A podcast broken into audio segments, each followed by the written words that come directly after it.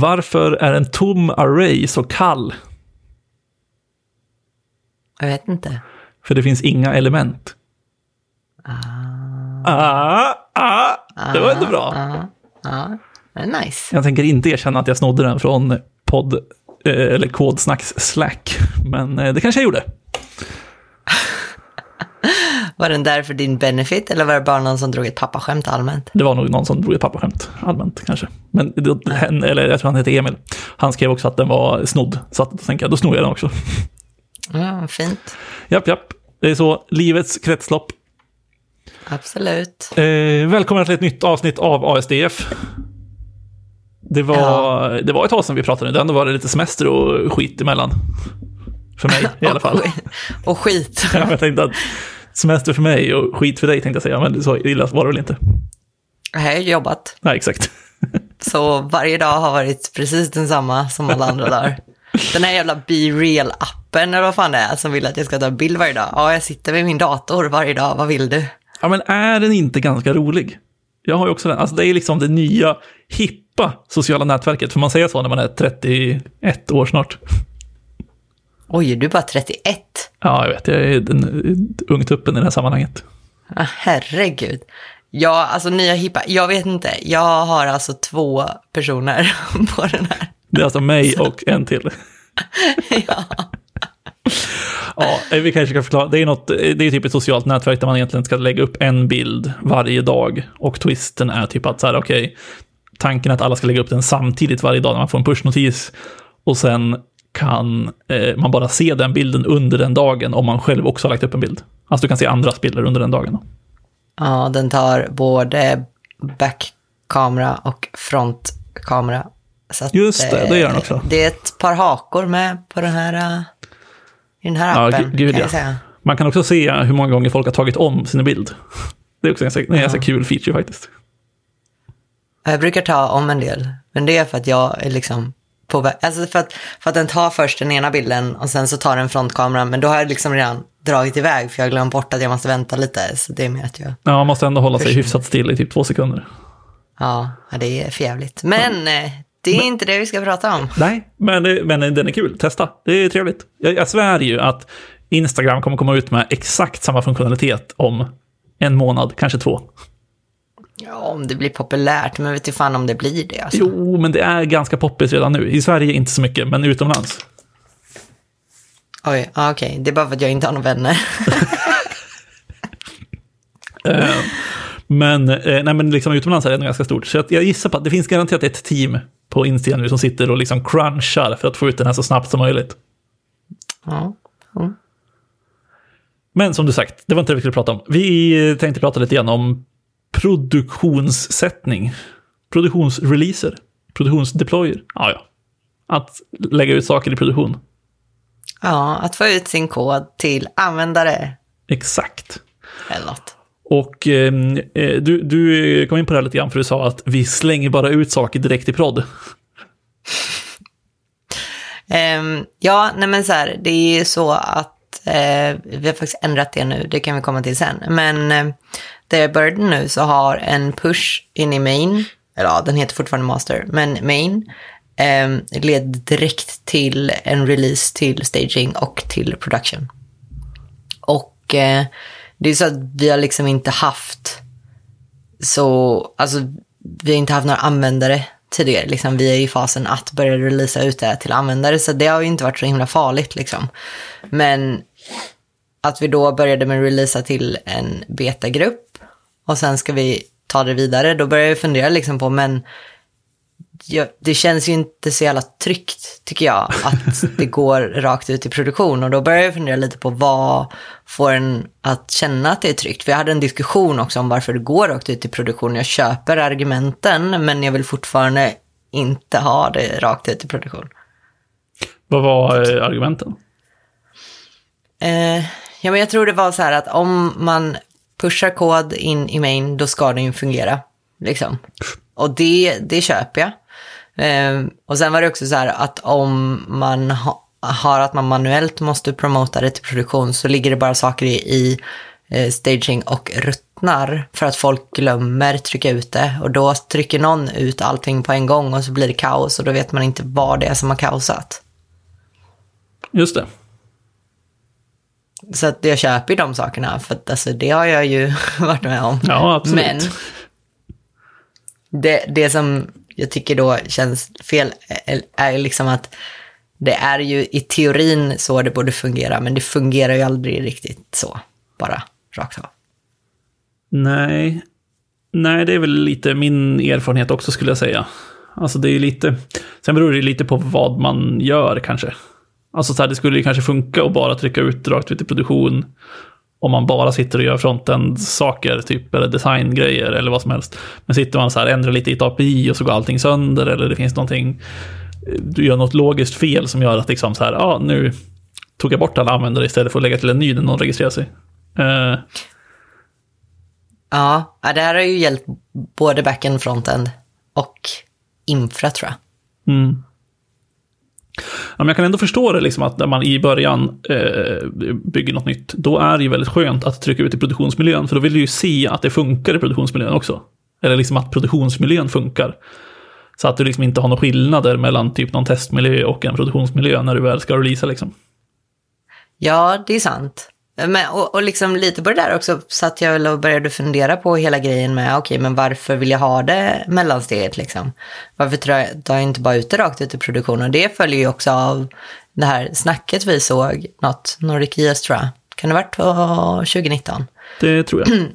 Om att testa i produktion.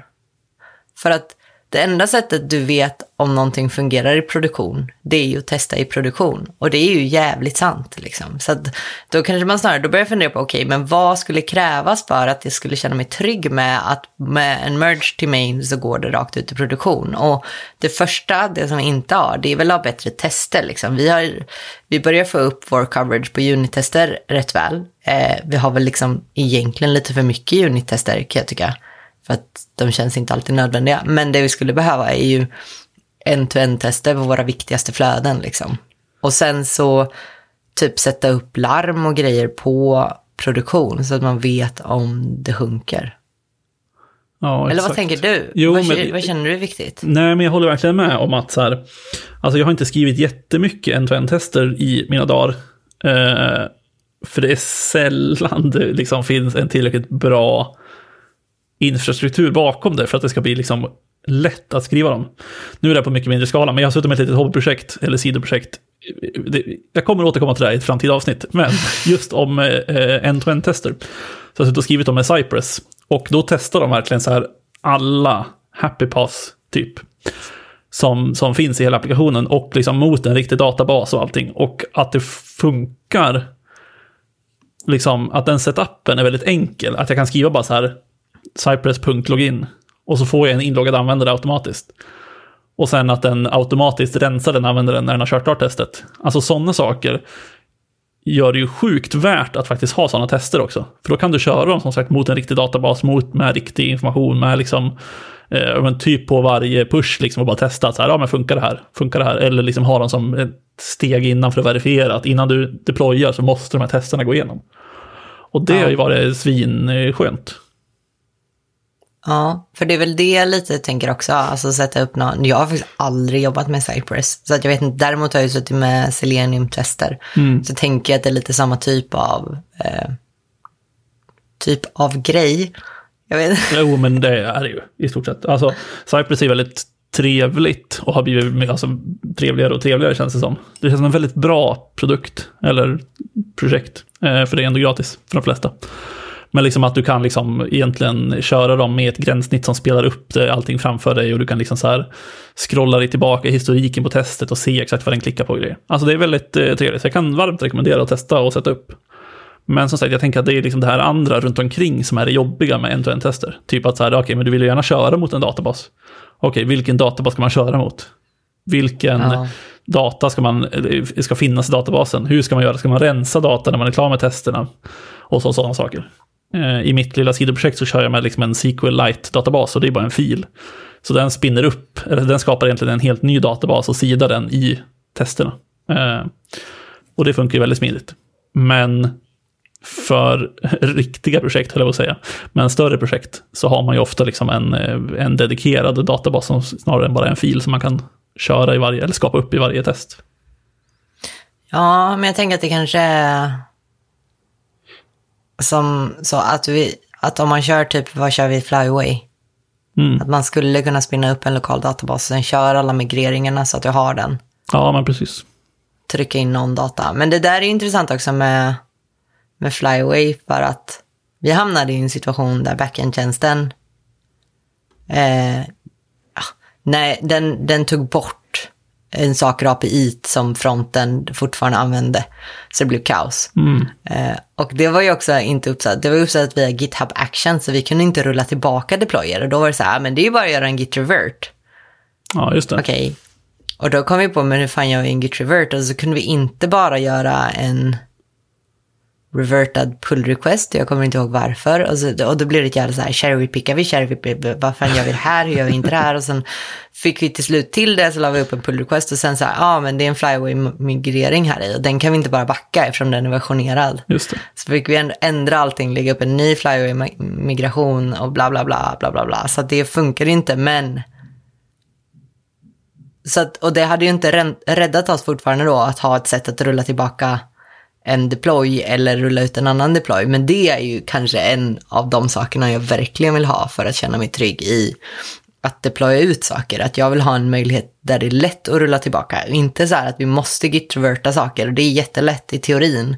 Men när det brinner då blir det så här, hur mycket fuckar jag upp om jag gör det här git-kommandot fel? Ja, exakt. Ja, det är väl lite, det är lite, just databaser är ju lite olyckligt. Att det är liksom ganska mycket svårare att bara rulla tillbaka rakt upp och ner. Ja. Jag vet, eh, det finns en tjänst som heter PlanetScale som eh, är liksom hostade databaser, typ Postgres. Eh, och de har ju liksom tagit, vad ska man säga, utvecklar filosofin med typ versionshantering och Git och grejer till databaser i stort sett. Så att du kan liksom ha olika branscher av din databas på deras tjänst. Och sen ja. så kan du liksom så här, ja, sen när du ska liksom deploya dina databasändringar, då mergar du en bransch in i din produktionsdatabas. Och då kör den liksom migreringar på den databasen. Och de har också gjort någon typ av så här magisk att du kan just reverta, som, som att du skulle göra med Git, liksom. fast du gör det på din databas istället. Så då revertar den liksom där du har gjort i din, din eh, andra bransch, så blir det liksom som det var innan. Och det verkar jävligt coolt. Jag har inte kört dem jättemycket, jag har bara dem på något, också på något litet sidoprojekt. Men eh, verkar jävligt coolt. Ett av dina sidoprojekt. Ja, just det här är på min, på min uh, antongunnarsson.com. Som uh, jag har hållit på att bygga om till en ny version i typ ett år och inte gjort klart. Men vi får se om den blir klar någon gång. Gud, att du har databaser. Jag har bara typ så här fronten-kod. Ja, men det var för att jag ville göra någonting. Jag tror att jag, jag försöker lägga in massa Easter eggs. Och då tror jag ett Easter egg är att man kan lägga in när man kan vinka på sidan. Eh, eller något sånt, och då blev det en databas. Så att, ja, vi får se, det kommer säkert inte bli någonting av allt jag säger nu, men eh, ja, vi får, kanske får möjlighet att återkomma till det också. Men det verkar så himla mäckigt allt det där. Alltså jag förstår verkligen varför många backendare är så himla bra på tester. För att det är liksom enda feedbacken som finns på att man inte har pajat någonting. Typ. Ja, nej, verkligen. Nej, men annars, eh, som du var in på, du var ju in på det här med alltså så här, en-to-en-tester är svinbra. Men också liksom tillbakarullandet är ju sjukt nice när man väl har det. Alltså så här, om ja. du bara kan klicka på en knapp och så kan du så här, ah, ja men ta ut den gamla versionen så kan vi felsöka det här och se vad som hände. Ja, alltså vi, vi hade en, en situation där produktion låg nere och så var det någon som skrev produktion nere, kan någon kolla på det? Det jag gjorde då var, för fronten-appen är liksom eh, hostad via Netlify. Mm. Så det jag gjorde var att gå in på Netfly, Netlify och trycka ut tidigare deploy liksom. Just det. Och sa jag det, bara, ja, men jag gjorde det i Netfly. Netlify, det är, det är svårt. svårt. Jävlar. Um, och då fick jag svaret så bara, ja, men du kan också bara göra en git revert. Jag bara, jo men det här gick ju på eh, två minuter. Ja. Och det hade kanske inte tagit supermycket längre tid på eh, att göra en git revert, men det jag kunde göra var att stanna i master, bara be alla, tryck inte ut den, göra en fix på två minuter och sen ha prod upp igen. Liksom. Ja, men exakt. Nej, det är ju sjukt smidigt faktiskt. Eh, och det är lite som, jag såg att Netlify hade något eh, prestandaproblem idag. Eller inte prestandaproblem, jag tror att de låg helt nere typ. Ja, jävlar. Jag fick så många 502 i min preview deploy. Jag fattade ingenting. Jag testade login också. Så 502 helt svarta jävla error-skärmar. Alltså det var... Jag tror att det var typ en timme när de hade så här, vi har problem med alla våra system tror de skrev. Man bara, ja, okej, kul. Ja, någon, någon hade svettigt så att säga. Så var det garanterat. Um, du nämnde också uh, preview deployer. Det tycker jag också är ett ganska bra steg liksom, att ha. Sen är det kanske lite mer i pull request-flöden. Liksom. Men det känns också som en ganska bra så här att ja, men man vet att man kan testa in miljö utan att känna pressen på att så här, mergea in i main. Mm. Ja, det är faktiskt jäkla trevligt. För det är ju dels som, alltså, jag, är fortfarande, jag, jag försöker komma in i att använda deploy, eh, deploy previews. För att jag tar ofta hem branschen lokalt och spinner upp den och sitter och testar där. Mm, liksom. Mm, men det är ju skitbra för designers att säga, men om du vill designreviewa, kolla på den här branschen, det finns här och här. Du kan kolla på det. Och sen har vi något problem med att det inte går att få upp, eh, inte går att få upp localhost i Safari av någon anledning. -huh. Så det är också svinbra att jag kan få en så här, i vår pull request så får vi en QR-kod till preview deployen så jag kan bara få upp det på min mobil. Det är så jävla smidigt. Ja, det, alltså man älskar ju ändå sådana här quality of life-grejer. Alltså så här att det spottar ut en QR-kod som man kan skanna för att få upp den på telefonen. Ja, så jävla smidigt. Mår, mår bra varje gång jag kommer ihåg att använda den. Ja, det är fan vilket, det är en toppen idé. Jag har, inte ens, jag har inte sett det förut någon tror jag. Nej. Är det, liksom, är det en Netlify-grej eller är det bara en grej ni har satt upp? Det vet jag faktiskt inte. Alltså min gissning är ju att det är Netlify. Alltså det är ju Netlify som spottar ut sig en comment i uh, Git. Ja, precis. PRen liksom. Om att så här, här finns preview deploy, här är Netlify-länken och här är en QR-kod. Liksom. Ja, och sen så får vi dels en för webbappen och sen en för storybooken. Just det. Det är också skitnice. Ja, det är smart. Ja, löneförhöjning till den personen på Netlify som kom på det här tycker jag.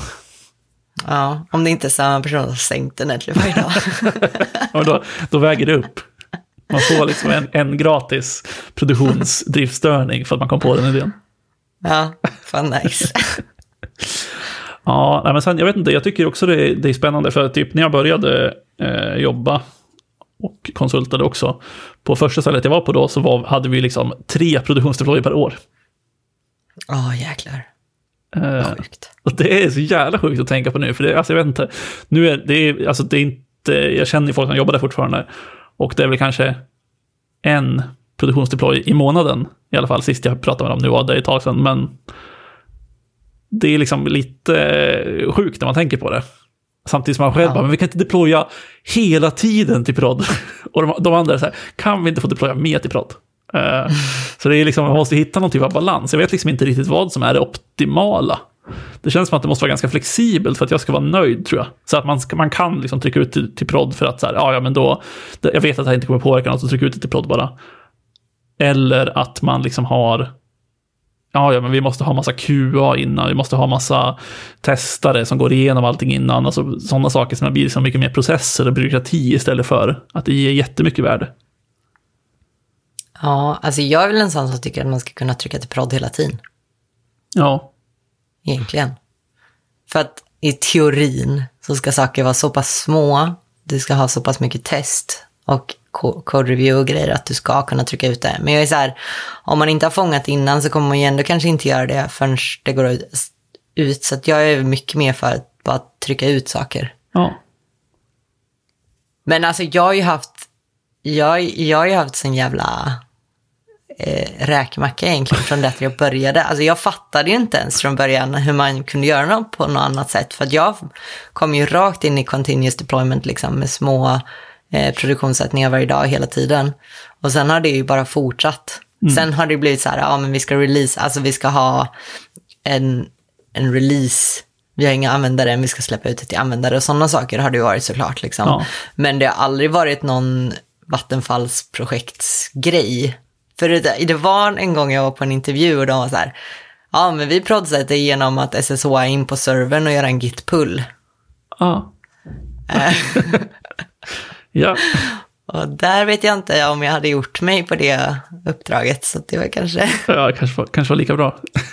kanske var lika bra. Så det hade varit en upplevelse, får jag ju säga, eh, som jag inte varit med om tidigare och eh, gissningsvis kanske inte kommer vara med om. Eh, så att jag, jag känner mig väldigt bortskämd så. Så, att, jag, så det känns, anledningen till att jag började fundera på det här mycket också var att det känns som att jag har tagit det för givet. Ja, jag fattar. Speciellt när jag pratat med någon ibland så här, som pratar om dels eh, produktionsförfarande och jag är så här, va? Trycker man inte på en knapp bara? Vad håller ni på med? Nej. Nej, vet, det är lätt att hamna liksom i sin bubbla. I alla fall när man har suttit ett tag liksom i en specifik miljö och så här att ja, men det är så här vi gör och så bara tycker att det funkar bra. Men, och så har man någon annan som bara så här, nej men vi gör på det här sättet. Och man bara, va? Hur? så det, det, är inte rätt. Hur mår ni? ja, exakt. Och sen kanske det visar sig att det funkar jättebra för dem. Eh, men, men det är så lätt att bara tänka att så här, ja ja, nej, det, vi gör på rätt sätt och jag är så nöjd med att det går så snabbt. Sen kan man det ju bli åt andra hållet också, att man hör någon annan som bara säger, nej men vi deployar på det här sättet och så låter det mycket bättre. Och så spricker den här lilla bubblan av att man har det toppenbra.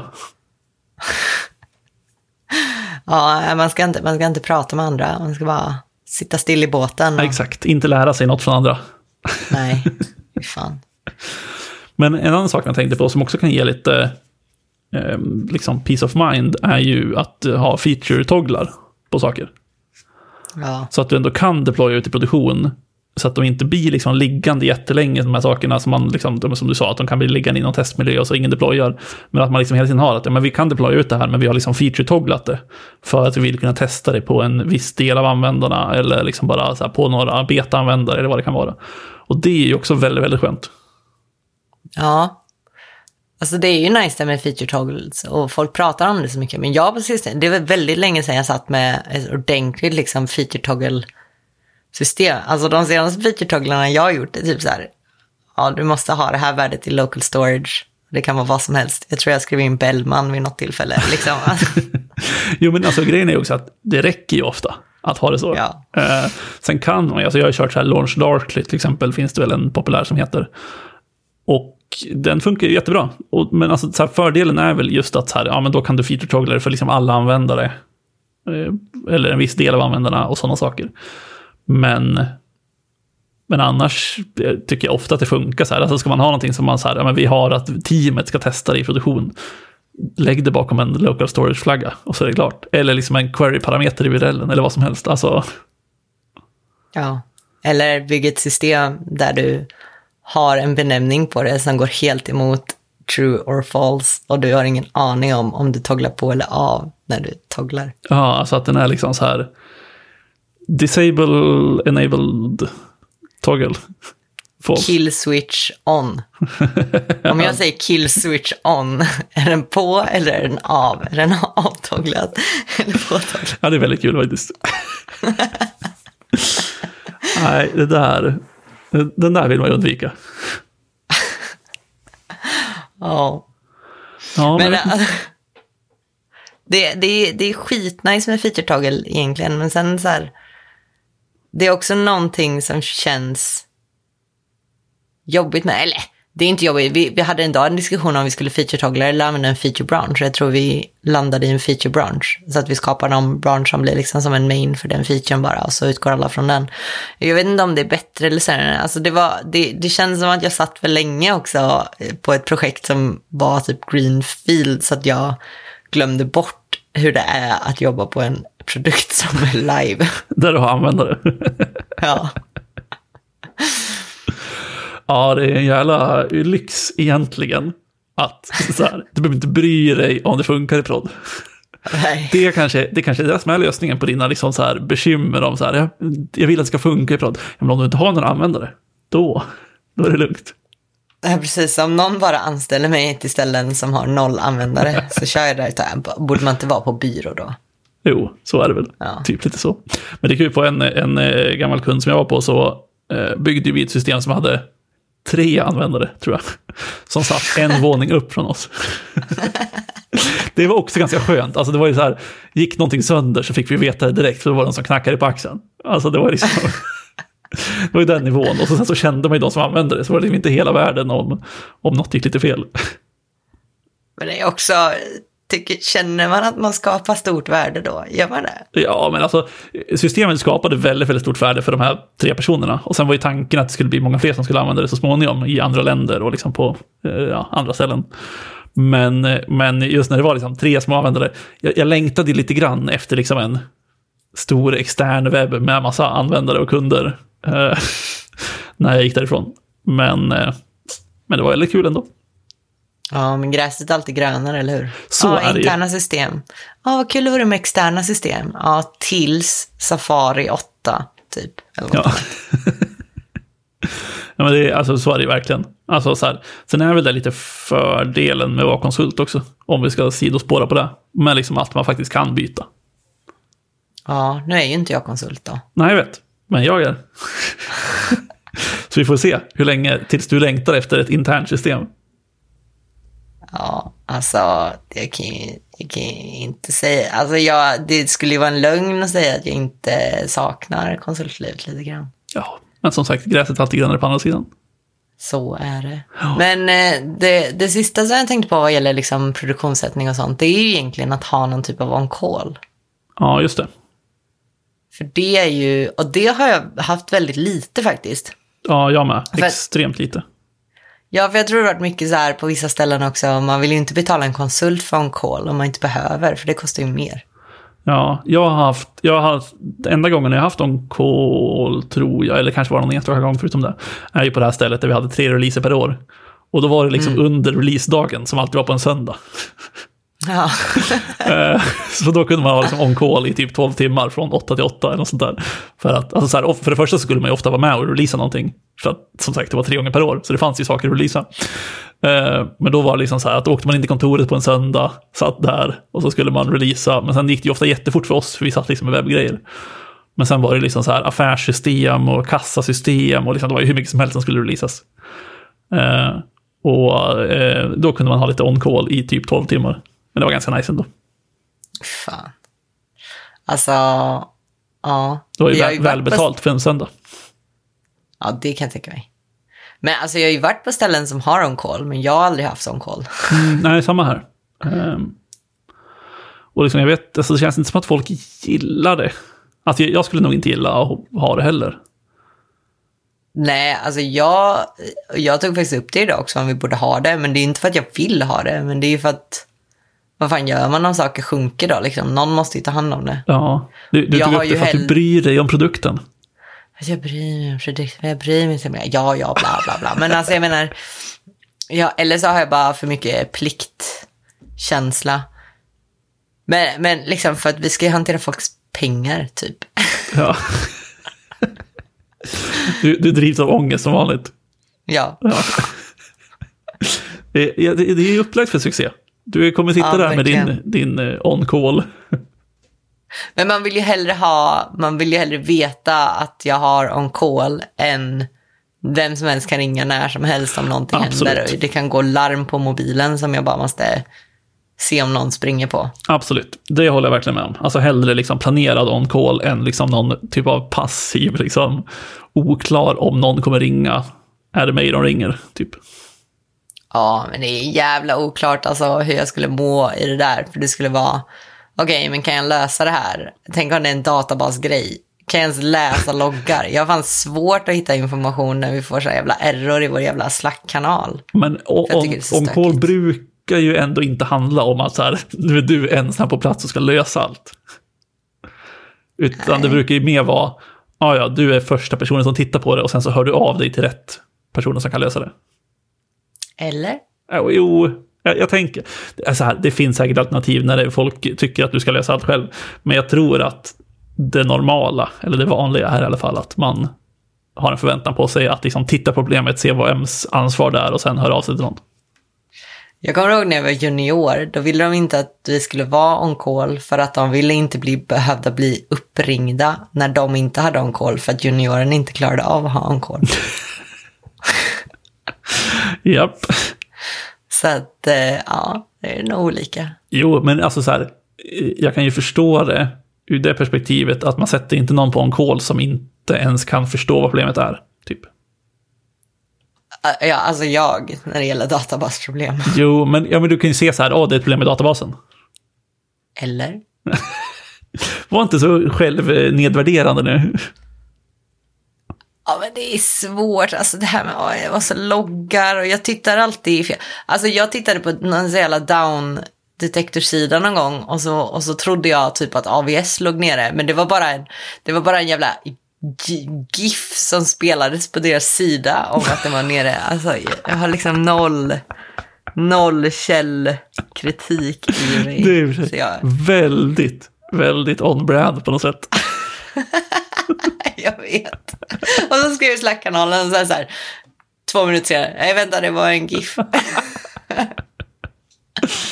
Ja, ja lätt hänt. Det, det får vara absoluta avsluten eh, på det här eh, avsnittet. Gud, jag kan inte prata längre. Det är för varmt här. Eh, Ja, det är så jävla varmt. Alltså, förlåt. men eh, eh, tack för att ni lyssnar som vanligt. Hör gärna av er om ni har någon feedback. Jag tycker det är svinkul eh, att höra att folk faktiskt lyssnar. Eller om man har frågor. Eller avsnittsförslag. Det är toppen. Ja. Vi ska försöka vara lite eh, stabilare nästa avsnitt. Förhoppningsvis är det inte lika fuktigt och varmt. exakt. Eh, tack för att ni lyssnar. Ha det så bra. Bye bye. Hej då!